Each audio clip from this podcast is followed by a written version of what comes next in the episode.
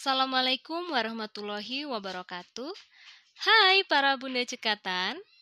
Kali ini Bu Alka akan mengajak para bunda untuk mengenal jenis kulitnya. Nah, barangkali ada dari para bunda yang belum bisa nih mengidentifikasi jenis kulit wajahnya. Maka sebaiknya simak podcast ini sampai selesai ya.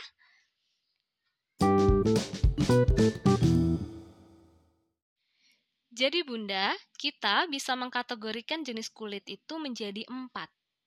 Nah, kita bahas satu persatu terlebih dahulu ya. Yang pertama adalah jenis kulit kering. Para bunda yang memiliki jenis kulit ini, eh, biasanya pori-porinya memang terlihat lebih kecil, tapi tentu akan terlihat lebih kering. Dan pada kasus tertentu, akan terlihat retakan serta kulit yang mengelupas.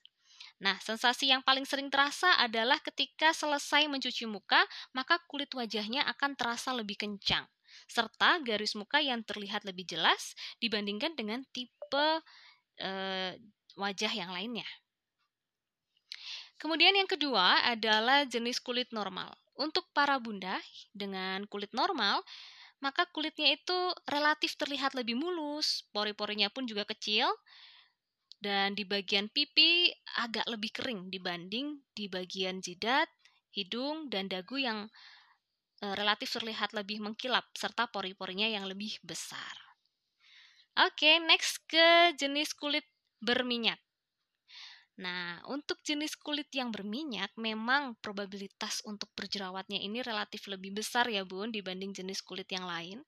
Dan pori-porinya pun juga besar dan garis-garis muka biasanya sudah terlihat uh, ada smile lines-nya. Nah, untuk jenis kulit yang berminyak, di area T-zone-nya memang akan lebih mengkilap. Kondisi yang seperti ini dikarenakan produksi kelenjar minyaknya memang berlebihan. Oke, untuk jenis kulit yang terakhir adalah kulit kombinasi. Sebenarnya untuk kulit kombinasi ini uh, banyak juga bisa diklasifikasikan. Tapi Bu Aka akan membahas yang paling umum dan yang paling sering ya. Nah, yang paling sering itu e, di daerah T-zone-nya itu lebih berminyak dibanding di bagian pipi yang kering. Bahkan ada yang perbedaannya begitu ekstrim. Dan pori-pori besarnya itu lebih di bagian dahi, hidung, dan juga di dagu atau area T-zone. Oke, bagaimana Bunda?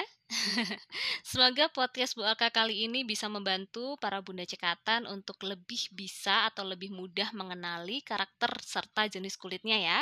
Jangan lupa untuk ikut komen dan kasih tahu Bu Alka jenis kulit para bunda ini apa ya gitu atau masih ada yang kesulitan juga untuk menentukan silahkan komen uh, di kolom komentar sekian dulu podcast kita kali ini Terima kasih banyak yang sudah menyimak dari awal sampai akhir. Ketemu lain waktu ya. Wassalamualaikum warahmatullahi wabarakatuh.